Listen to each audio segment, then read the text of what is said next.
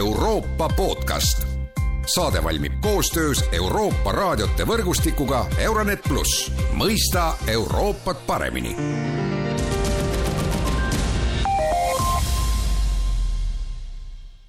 tere taas kuulama Euroopa podcasti.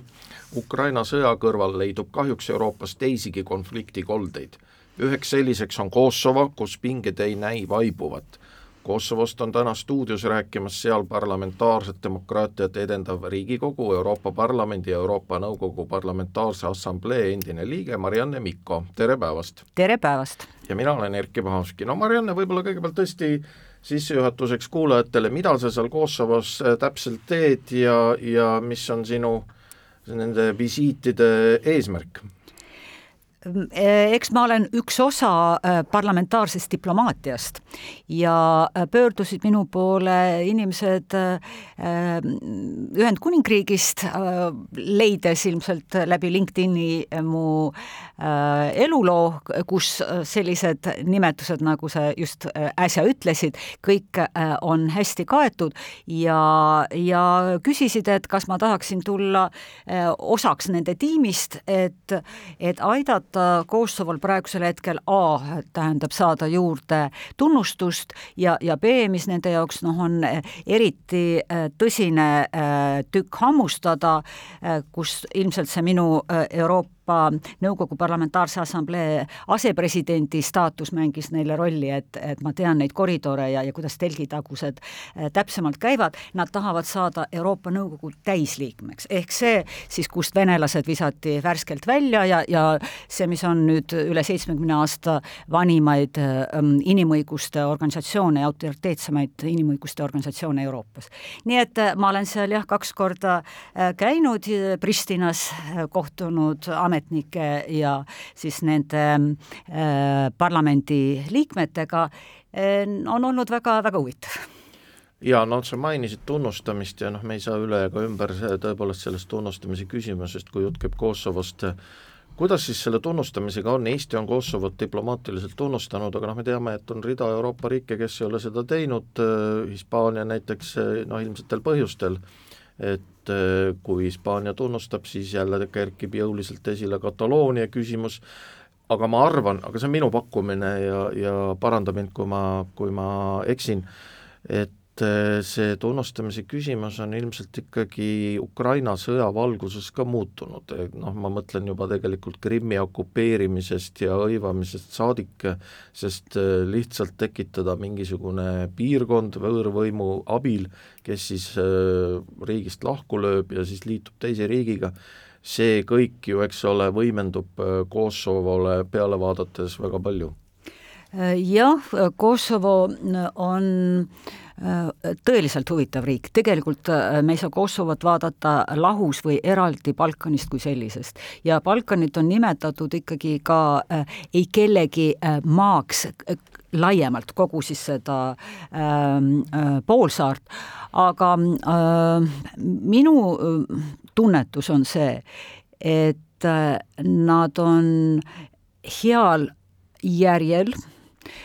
kindlasti on nad paremas olukorras mulle tundub majanduslikus mõttes, kui on naaberriik Albaania, nad on ju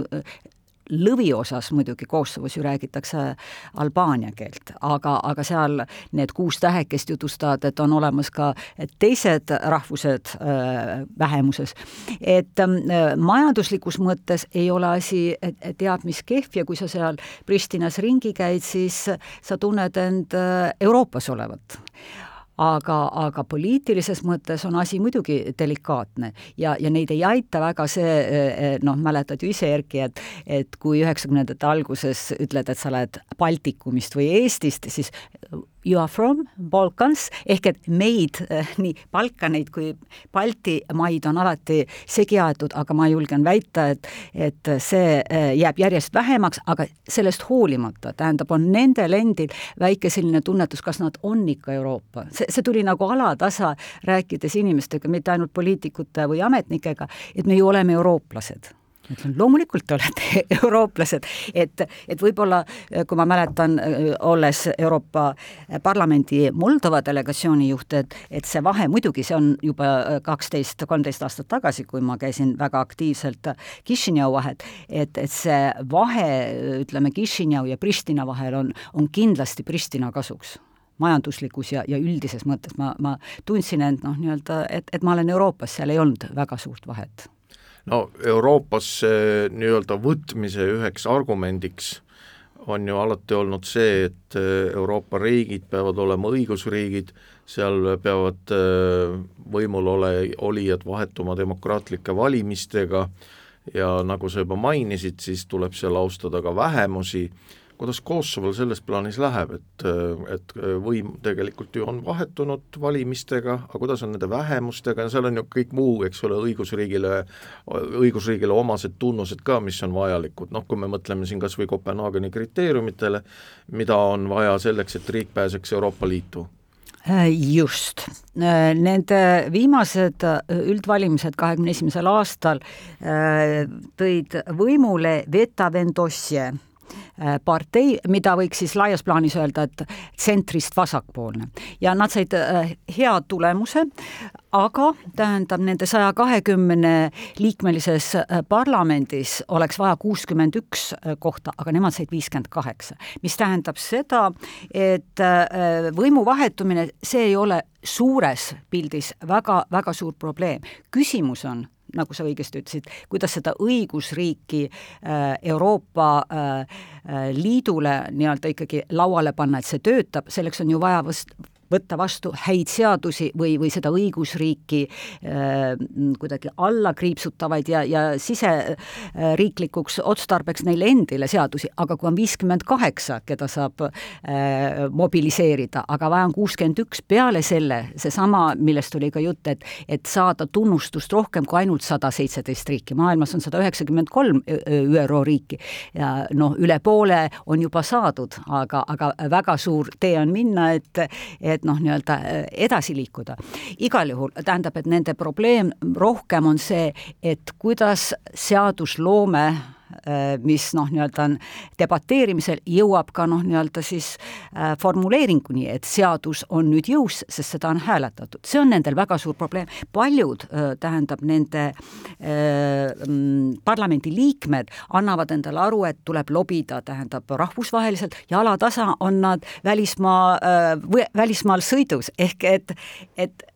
saal on pooltühi ja nad lihtsalt on jäänud nii-öelda nagu kanad tagus ühele kohale ja, ja ei saa oma, oma seadusi vastu võetud, ei ole kvoorumit see on nagu üks suur äh, probleem hetkel. mis puudutab rahvusvahelisi, siis nende äh, parlament on niimoodi äh, täiesti võrreldav Eesti Riigikoguga, kus on sada üks liiget, nendel on sada kakskümmend. sada on siis, tähendab, valimistulemusena, et, et kuidas siis poliitilised jõud, ja kakskümmend on jäetud rahvusvahelistele, tähendab, et siis see, niimoodi vormistub see nende noh,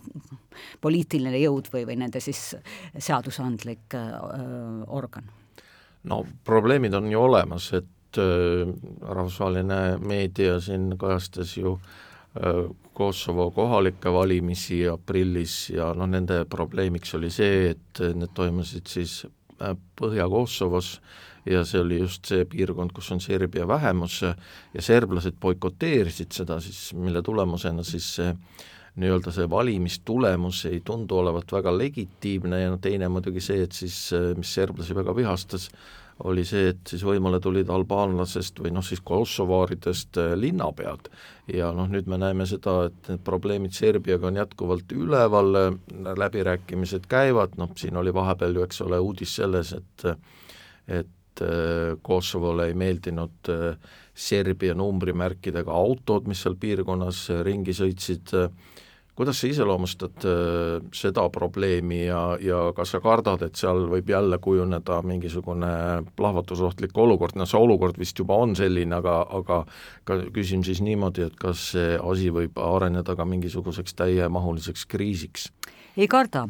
ei karda sellepärast, et nagu sa ise ütlesid, on loodud olukord saba kinni, nokk lahti. ehk et eh, kõigepealt, eh, kuidas kujunes olukord, et äh, Albaania vähemus siis seal Põhja-Kosovos sai võimule, nagu sa õigesti ütlesid, aga serblased tänu Serbiast tulevale, tähendab, infovoogudele, kus kutsuti üles mitte osalema valimistel,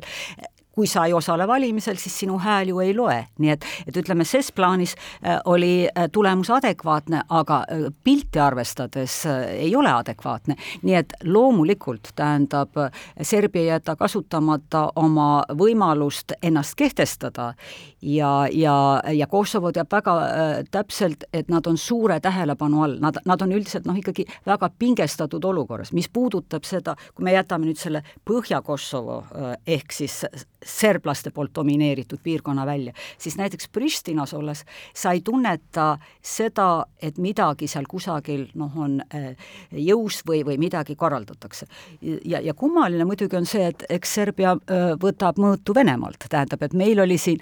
äh, mingi aeg tagasi äh, piiril intsident, kus meie piirivalvurid juhuslikult äh, sattusid teisele poole, Vene poolele, mõnda aega oli mitte kriis, aga, aga olukord,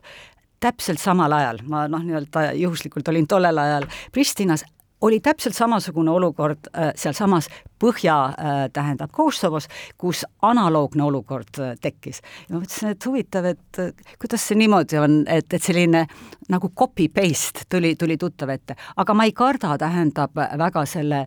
põhjapiiri pärast, äh, et äh,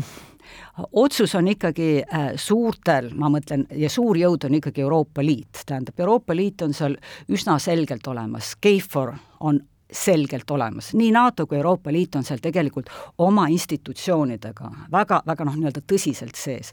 aga, aga muidugi äh, Serbia koos, koos Venemaaga ei jäta kasutamata, et, et see on nende oma, et nendelt võetakse midagi ära. ja ma peaksin tegelikult ütlema ka, et, et kui Eesti tunnustas, me olime esimeste hulgas äh, kahe tuhande seitsmendal aastal ja meie dilemma võinuks olla ka, et, et äh, me olime ju üheksakümne äh, kolmandal aastal aastal samas olukorras, kus oli see, äh, et kas Ida-Virumaa, kas umbes Narva referendum, et mis siis juhtuma hakkab, me oleks võinud ennast nagu panna sellesse olukorda, aga me võtsime euroopaliku seisukoha. Ja, ja ma olen nagu väga uhke Eesti üle, et, et me olime esimesi, me aitasime parlamentaarselt juba kohe äh,, moodustati sõprusrühm ja see on tegelikult nendele äh, väga oluline, et, et noh, on nagu nad saavad äh, õppematerjali, et ja eriti just Baltikumist, me oleme väikesed, nemad on väikesed, meie Riigikogu on sada üks, nendel noh, sada kakskümmend, me saame väga palju anda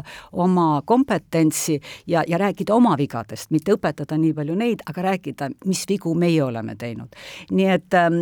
noh, minule jäi küll mulje, et, et see, kes on nende poliitiline eliit, tahe on olemas, aga, aga on teatud ebakindlus, sest et Serbia on väga nagu jõuliselt ja siin on nagu siiski väike nagu allaheitlik element olemas, et, et et kohati noh, nii-öelda olla kas väärikam või, või mitte provokatsioonile noh, nii valuliselt äh,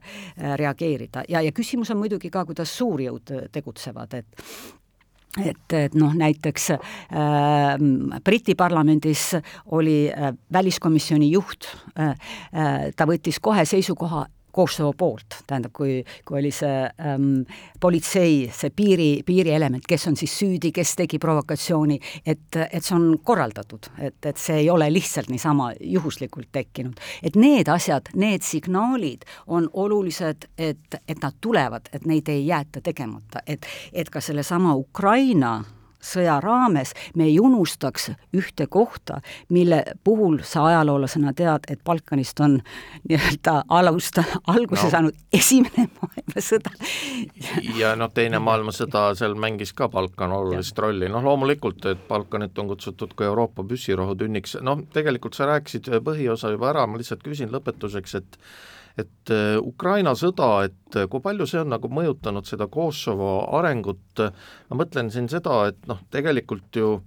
kui nüüd Serbia võiks olla ratsionaalne, aga ma saan aru, et Kosovo küsimus serblastel ei ole ratsionaalne, aga aga noh, see Serbia nagu idee, et Venemaa on nagu suur vend ja niisugune slaavi sõber, nad võiksid ju vaadata Ukrainale peale ja nagu näha, mida siis nagu sellise sõprusega peale hakatakse, mida, mida venelased, kuidas venelased sellest slaavi sõprusest aru saavad, kui nad nagu tungivad Ukrainale kallale, et et ja Serbia ju tegelikult ju tahab ka Euroopa Liitu, et et küsimus on väga keeruline ja see on praegu ju Ukraina sõjaga seoses võimendunud. See on väga huvitav küsimus. vastust ei julge ma sulle anda, nagu ma arvan, et keegi ei julge väga otsest vastust anda, aga, aga üks, mis mind nagu natuke julgustab, kui sa panid tähele, eelmine aasta tuli Serbiast kõige kõrgemal poliitilisel tasemel väga noov, nooviv, nooviv äh, äh, signaal, et ärge siin värvake vaagernas, vaagerlased meie, tähendab, serblasi, et see on lubamatu. tähendab, reaktsioon oli, tähendab, nii palju, kui Serbia üldse saab kuidagi vastustada ja, ja see mulle tõtt-öelda sümpatiseeris, aga ei saa noh, midagi üle ega ümber, ajalugu on ajalugu, see tuleb kogu aeg Balkanil äh, nii-öelda taas esile ja midagi ei ole teha, Vene kand Serbias on, on, on selline, et, et sellest ei saa üle ega ümber. lihtsalt äh, küsimus on, kuidas poliitiline eliit vaatab suurt pilti, aga sama võib ütelda ka Kosovole, et kuidas Kosovo poliitiline eliit vaatab suurt pilti. Ja minu arusaamine on, et kui tekiks äh, uuel äh, Euroopa Liidu laienemisel see noh, nii-öelda big bang, nagu meil äh, äh, ka aastal kaks tuhat kolm, kus kümme uut äh, liiget võeti vastu, siis ega vastu ei võeta äh, ühte või kahte pal-, Balkani riiki. minu arusaamine on, et see on, see big bang on kasulik nii Kosovole kui ka Serbiale ja kui nad võetakse mõlemad vastu, siis tere varahommikust äh, ei ole mõelda,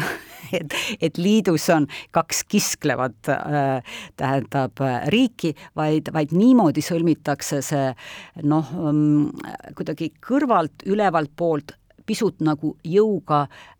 riigid ühte, nagu ma ei ütle, et Eesti, Läti, Leedu, kui me NATO-sse astusime, et meid jõuga kokku suruti, aga tõsi on see, et Brüsselist, NATO peakorterist tuli väga selgeid signaale, et äh, äh, julgeoleku ja kaitse mõttes te olete üks unit, te olete, te olete üks Eesti, Läti, Leedu, palun hakake nüüd omavahel nii-öelda, leidke üksteist üles ja hakake koostööd tegema. ja praegu me saame aru, jumalast õige jutt, aga tollel hetkel mõtlesime me ikka, et Eesti värk ja lätlane mõtles Läti värk ja Leedu värk, me, me olime no seda kõik... oli sisepoliitiliselt ka lihtsam müüa ju, loomulikult. jah, aga, aga see ei loe, tähendab, et kui me räägime nüüd suurest pildist Euroopast kui sellisest, siis, siis on teatud olukorrad, kus, kus see, et kui me tahame olla tugevad nii-öelda siis ütleme, meie ehk Euroopa versus Hiina, siis on see mõistlik. tähendab, et kui me noh, nii-öelda tõesti natuke fokusseerime, et mis on strateegiline, mis on taktiline, oluline, et, et ma olen pigem optimist äh, äh, väike skeptiline optimist, aga, aga siiski, et, et need asjad võivad laheneda kuidagi äh, lihtsamini äh,, juhul kui Saksamaal, ütleme, see, kes maksab tegelikult Euroopas väga palju asju kinni, on selline tahe äh, seda kinni maksta, seda uut äh, laienemist, siis, siis mu meelest ma näen seal suurt lahendust